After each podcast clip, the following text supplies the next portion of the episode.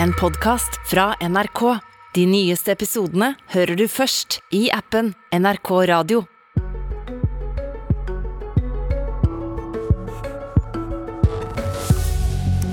Ja ja, veldig mye blir dyrere i dette året. Likevel så vil norske familier sitte igjen med mer enn før, lover finansministeren. Kan den mannen regne, spør Sylvi Listhaug. Hun kaller ham kalkulator-Trygve, men regnestykkene hans de har hun ingen tro på. Hjertelig velkommen til Politisk kvarter, finansminister Trygve Slagsvold Vedum. Takk for det. Og tusen hjertelig velkommen eh, også til eh, Sylvi Listhaug, leder i Frp. Men vi må jo begynne med regnestykkene i dag, da. Eh, Trygve Slagsvold Vedum. Det fine med dette landet er at også i denne krisen kan norske familier sitte igjen med mer enn før, sa du i Stortinget i forrige uke. Og så la du fram et regnestykke som viste at en helt vanlig norsk familie sitter igjen med nesten 15 000 kroner, selv når utgifter til mat, strøm, renter og drivstoff er betalt. Står du fast ved at norske vanlige familier får mer å rutte med i år? Det kommer an på hvor mye gjeld du har. Det er det som egentlig er det mest avgjørende. Men hele regjeringa sitt mål og Senterpartiet og Arbeiderpartiet sitt mål er at vanlige folk skal få det bedre.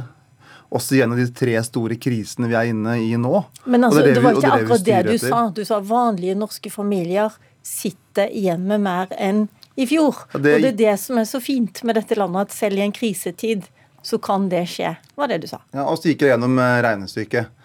Eh, For det som er eh, med det lønnsoppgjøret vi, vi har nå, så ligger vi an til å få reallønnsvekst. Altså at folk får reallønnsvekst også i år med den enorme krisa vi er inne i. Det gir trygghet til folk å vite at man får reallønnsvekst. Eh, Men når vi ser på hele regnestykket, så er det den største utfordringen for mange familier. Det er hvis rentene øker mer enn det som man eh, ligger i rentebanen til Norges Bank.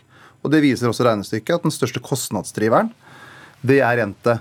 Hadde det ikke vært for strømstønadsordningen, så hadde det vært strøm. Vet du hva, Jeg lover deg at vi skal snakke mye om rente framover, men la oss snakke om det regnestykket ditt først. vi kan gå godt gjennom Blant, det. blant annet så sier jo fagøkonomer at du baserer deg på helt urealistiske tall.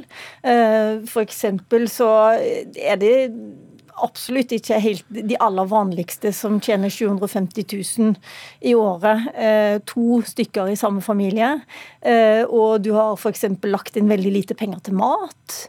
Har det vært et litt sånn eh, regnestykke som skal passe det politiske budskapet ditt? Nei, ikke i det hele tatt, for det er en medianinntektsberegning ut fra den, den gruppa av foreldre som det her ble tatt utgangspunkt i, også med den gjeldsbelastninga det her ble tatt utgangspunkt i, med 3,4 millioner kroner i gjeld. Så kunne jeg lagd et sånn annet regnestykke som var mye mer sånn positivt sett med regjeringa sitt øyne. Men altså at du hadde tatt en som hadde to barnehagebarn, f.eks. For, eksempel, for barnehageprisen går jo ned med 2900 kroner per barn. Eller kunne tatt et regnestykke der du hadde tatt inn en som hadde et eh, du barn SFO. Du har jo ikke regna en familie med barn i barnehagen Nei, her. Du har regna med en familie som har eldre barn, og nettopp derfor så tjener de mer også. Ja, og Det er jo hele poenget. at Vi har ikke prøvd oss å sminke regnestykket. Vi har bare prøvd oss å få fram et regnestykke som viser at eh, den store utfordringa for folk nå altså det, det, som er, det, det som er bra, er at sjøl med den krisa så får folk reallønnsvekst. Og det er ikke minst at vi har veldig solide og gode fagforeninger i Norge. Et velorganisert eh, arbeidsliv med både gode arbeidsgivere og gode fagforeninger. Så har vi klart å få til et bra lønnsoppgjør. Det blir reallønnsvekst. Men det som utfordrer mange familier, som, som jeg er bekymra for, det er at det er mange familier som har veldig høy gjeld. Nettopp. Og, og, og det er Og det, det som utfordrer hele regnestykket vårt. igjen til. Men i dag da i Aftenposten så, skriver, så sier en rekke fagøkonomer at eh, hvorfor i all verden tar han ikke med alle kostnadsøkningene? Han tar bare med noen. Dette ble jo et helt feil regnestykke. Folk kommer til å sitte igjen med mindre enn før. Ja, men hvis du ser på det regnestykket, så tok vi heller ikke med at eksempel familier, mange av de får skattekutt pga. de grepa som regjeringa gjør. Sammenligner du eh, i år med i fjor, så får f.eks. pendlere for skattekutt. De som tjener 600 000 får 2500 i, i skattekutt. Så her er det bare en ren beregning av de store debattene som har vært nå. Det har vært kostnader rundt drivstoff, rundt strøm, rundt rente, rundt mat og rundt det lønnsoppgjøret vi har hatt. Og da ser vi jo at med de eh, mulighetene vi har nå, så ligger det an til reallønnsvekst. Men renta er spøkelse. Og Det er derfor jeg gjentar det så mange ganger. Fordi at Norge er et av de landene i Europa med høyest gjeld Og per igjen, familie. Det skal vi også komme tilbake til. Men sånn som jeg forstår det da, du står fast ved at dette regnestykket er riktig. Vanlige folk får mer å rutte med i år. Ja, Det kommer an på hvor mye gjeld de har. Altså Det er det som avgjør det. Men det blir reallønnsvekst. Betyr det at du burde skrevet et annet eller kommet med et annet regnestykke? Nei, Jeg var helt presis på det i Stortinget òg. Ja, så du står fast ved det regnestykket? Ja, regnes, regnestykket er helt riktig. Uh, og så er det veldig sårbart for mange, spesielt de med høy gjeldsgrad. Og så er det det som er litt spesielt med Norge. Vi er gjennom tre store kriser, og nå midt inne i en krig. Så klarer vi å få til reallønnsvekst. Og så er det mest positive er at det er over 70 000 nye som kommer i jobb i dette året her. Og for de familiene så blir det en voldsom velstandsutvikling. Så hvis du tar i dag, så er det kanskje den dagen i norsk historie der flest nordmenn har gått på jobb.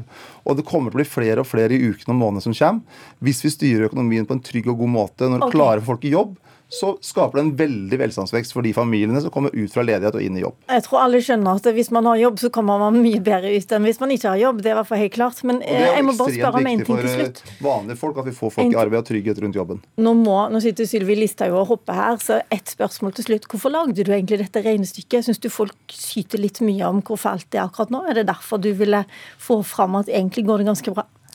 Nei, det er for å få fram at vi, vi ligger an til å få reallønnsvekst og at eh, det som er utfordringa, er gjelda og renta. og Derfor må vi styre trygt, som gjør at folk får brukt den reallønnsveksten til å få en trygghet rundt sitt liv, sin familie.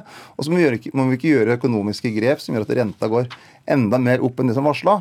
For det skaper utfordringer, spesielt for småbarnsfamilier som har høy gjeldsgrad. Sylvi Listhaug, nå har du vært veldig takknemlig. Jeg er takknemlig for du har vært så tålmodig, var det jeg skulle si nå. Du er altså leder i Fremskrittspartiet, og du brukte landsmøtet ditt til en rekke karakteristikker av mannen som sitter her. Du snakker om kalkulator-Trygve, du snakker om onkel Skrue, og du sier så vel at uh, han er den største fienden mot folks økonomiske frihet. Hvordan kan du gå så langt? Det er fordi at jeg tror alle nå har merka på lommeboka at uh, pengene renner ut. Drivstoff er ekstremt dyrt. Strømmen har vært helt uh, skyhøye eh, regninger som kommer ned i postkassa. Når du går i matbutikken, så merker du det på kassalappen at også der har prisene gått opp. Folk får generelt sett dårligere råd. Og det hører vi også fra inkassobyråer, som sier at nå er det helt nye familier, nye folk som de aldri har sett inni deres system før, som nå er der, pensjonister og, og andre, så det er klart at for mange så er det nå ganske så dramatiske tider. Og det som vi reagerer på, er jo at eh, finansministeren prøver liksom å pynte hva som foregår nå. For det er klart det regnestykket inneholder f.eks. da på strøm. Han legger inn at vil, man vil bruke 1800 kroner ekstra på strøm i år. Jeg tror for veldig mange så er de pengene for lengst uh, brukt, bare på januarregninga. Fordi at prisene har vært ekstremt høye nå i vinter. Og faren er jo at det kan komme til å bli enda dyrere til høsten. Hvis ikke det blir mye regn her i Sør-Norge, hvis gassprisene eh, går, holder seg høye eller blir enda høyere, eh, hvis Russland skrur av kranene Det er veldig mye som kan skje som kan gjøre at dette går skikkelig galt. Eh, men du har et eget regnestykke som du pleier å dra opp, og det at eh, det koster 50 000 mer for en vanlig familie nå. Men eh, hvis du skal se på det regnestykket, så har du f.eks. ikke tatt inn at en vanlig familie også får en lønnsvekst, lønnsøkning, som alle andre. Blir det noe særlig mer rimelig enn hans regnestykke? Jeg bruker jo et som forbrukerøkonom Magne Gundersen i Sparebank1 har laga, og det han sier at til tross for et godt lønnsoppgjør i år, så kommer ikke folk til å gå ut i pluss, men de kommer til å gå ut i minus. Så det er jo det vi reagerer på, at man forsøker da på sett og vis å lure folk til å tro at de får økt kjøpekraft. Det er ingen økonomer som støtter Trygve Slagsvold Vedum i det. Tvert imot så mener de at eh, de får dårligere råd. Jeg... Vent litt, la han få svare på det. Det er ingen som støtter deg. Prøvde å lure folk, Vedum. Ja, det er jo hele lønnsoppgjøret. Altså, I alle lønnsoppgjørene som jeg har lest om til nå, så sier eh, begge parter at det ligger an til reallønnsvekst. Så, så, det er jo et uh, faktum. Og så merker jeg at uh, Listhaug prøver også å angripe meg å kalle meg en kalkulator. Men jeg mener at det er ganske lurt at en finansminister klarer å regne og klarer å bruke en kalkulator. At det er et godt uh, utgangspunkt. Og da når vi sitter og regner, så ser du det som er den virkelig store trusselen, som jeg er mest redd for det er de familiene med mye gjeld. For det er de som får størst problemer. Og da kunne det liksom vært enkelt å si at vi skal bare pøse på med penger til alt mulig. Og Da er jeg redd for at vi skaper en ny krise. For Hvis vi girer opp renta mer, så er det de familiene som får problemer. Og det er det ansvaret jeg har som finansminister. Jeg tenker, Hvordan skal jeg sikre at vanlige folk får mest mulig trygghet rundt sitt hus, sitt hjem? At de over tid skal få bedre kjøpekraft? Og da ser vi på de regnestykkene, selv om ikke Listhaug liker regnestykket, så ser vi på regnestykket at jo, det er renta som er den store trusselen. Og det kan ikke la være å si det. Akkurat det, det, akkurat det skal jeg gi deg helt rett i, for der er dere enige. Rentene er de store utgiftene, Sylvi Listhaug. Har ikke du tenkt på det når du f.eks. plusser på Ukraina-pakken i Stortinget i dag med 26 milliarder ekstra kroner? Jo, det er klart det er jo inflasjon som er driveren. Og ved å da fjerne avgifter, sette ned avgifter, så vil du jo også dempe den veksten. Eh, så snakker man her om at det er flere som vil komme i jobb. Det som vi står i fare for nå Det er vel ikke så mange økonomer som vil støtte deg i at 26 milliarder ekstra inn i, inn i den norske økonomien dempe veksten? Det vil jo føre til at folk greier å betale regningene sine, som vi nå ser at mange ikke greier. Eh, og jeg tror at folk flest der vil ha, beholde mer av sine egne penger, i stedet for å bli gitt almisse. Og når vi snakker om arbeidsplasser, Og renta er ikke du bekymra for? Jo, men jeg, jeg er bekymra for at folk ikke greier å betale regningene sine. og Derfor må vi gjøre begge deler. Og så må vi se på altså kutt i budsjetter, selvfølgelig. Vi kan kutte på symbolske klimatiltak, slutte med elektrifisering av sokkelen. Vi kan se på bistandsbudsjettet som det står over 40 milliarder kroner på. Vi kan la være å nå oppløse disse fylkeskommunene og heller bare legge dem ned, for det er ingen som kommer til å savne dem. Så alle de 26 milliardene du skal bruke i dag, de skal du dekke inn igjen på all verdens kutt? Når... Det skal vi komme tilbake i, i revidert, men vi vil selvfølgelig også kutte. For vi er opptatt av at vanlige folk nå skal sitte igjen med mer. Men jeg har lyst til å si én ting når det gjelder arbeidsplasser, for det, nå skal det enda flere som får jobb. Men det avhenger jo av at vi greier å redde de bedriftene som vi har. Og det som skjer nå, er at massevis av entreprenører, lastebilselskap, alle som er avhengig av drivstoff, får mange millioner kroner i ekstra utgifter. På strøm, altså det er selskap som har fått uh, millioner på millioner av ekstrautgifter på strøm, og som står i fare for å gå konkurs. Det som regjeringa har sagt hele veien, er at de følger situasjonen nøye. Men det betyr det samme som at de ikke gjør noen ting. Og dette er det bedrifter og folk som, altså, som lider under. Jeg, igjen så jeg skjønner at uh, Listhaug frykter kalkulator uh, og, og, og, frykter tall. For de tallene du bruker nå, blir, er helt forvridde. For Hvis du skal ta når eh, Listhaug satt i regjering, altså siste året før koronapandemien, så var det antall konkurser på samme tidspunkt. Det var 1223 i år. 851. Så, hvis, eh, I år så er det det. Så poenget er jo at Antall, antall, antall, konkurser var høyere i 2019 enn det har vært i år. Ledigheten er lavere nå. Det har aldri vært flere folk i jobb. Når Frp styrte, så hadde man i 2016 eller 2015 jeg husker ikke helt tallet, en reallønnsnedgang. En kraftig reallønnsnedgang. Så det er jo utrolig viktig nå at vi står inne i noen av de største krisene vi har stått i Norge siden andre verdenskrig. At vi klarer å styre på en måte som gjør at vi har reallønnsvekst, at vi klarer å få flere folk i jobb. at vi klarer å unngå så mange konkurser som men, mulig. Og så må vi ikke gjøre grep, sånn humbug-grep som gjør at vi også får renta opp. For da rammes de som er aller mest sårbare, familier som har 4-5 millioner kroner i gjeld. Det er mange familier som har så mye gjeld. Så mye høyere gjeld enn det jeg har lagt inn i regnestykket mitt. Og dem er kjempesårbare hvis vi ikke styrer trygt økonomisk, og at de får ledigheten ned. Og tenk på de 70 000-80 000 familiene som nå merker at mor eller far får jobb.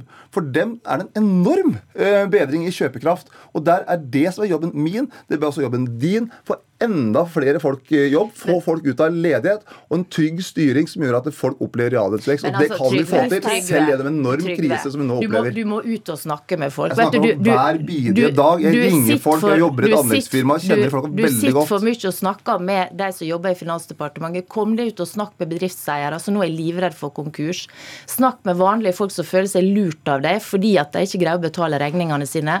Dere gikk til valg på at det var vanlige folks tur, og det eneste folk opplever, det det at pengene renner ut av lommeboka. Men Sylvi Listhaug, det er vel litt fint at han bruker tid i departementet også til å gjøre jobben sin? Ja, men den gjør jo ingenting. Det er jo det som er problemet. Man går fra å følge situasjonen nøye. Det man sa i Stortinget her når han var der sist, var at han følte det ekstremt nøye. Og det som alle lurer på, er når skal man gjøre noe? Når skal man sette ned avgifter sånn at folk greier seg? Når skal man sikre bedriftene gjennom strømstøtte? La oss få et svar på det til slutt, Listhaug. Og, og, og, og, de utgiftene. Altså det første vi, vi gjorde, var jo å sette ned avgiftene på strøm etter at eh, Frp hadde styrt i åtte år. Vi halverte nesten i vintermånedene. det er 30 sekunder igjen.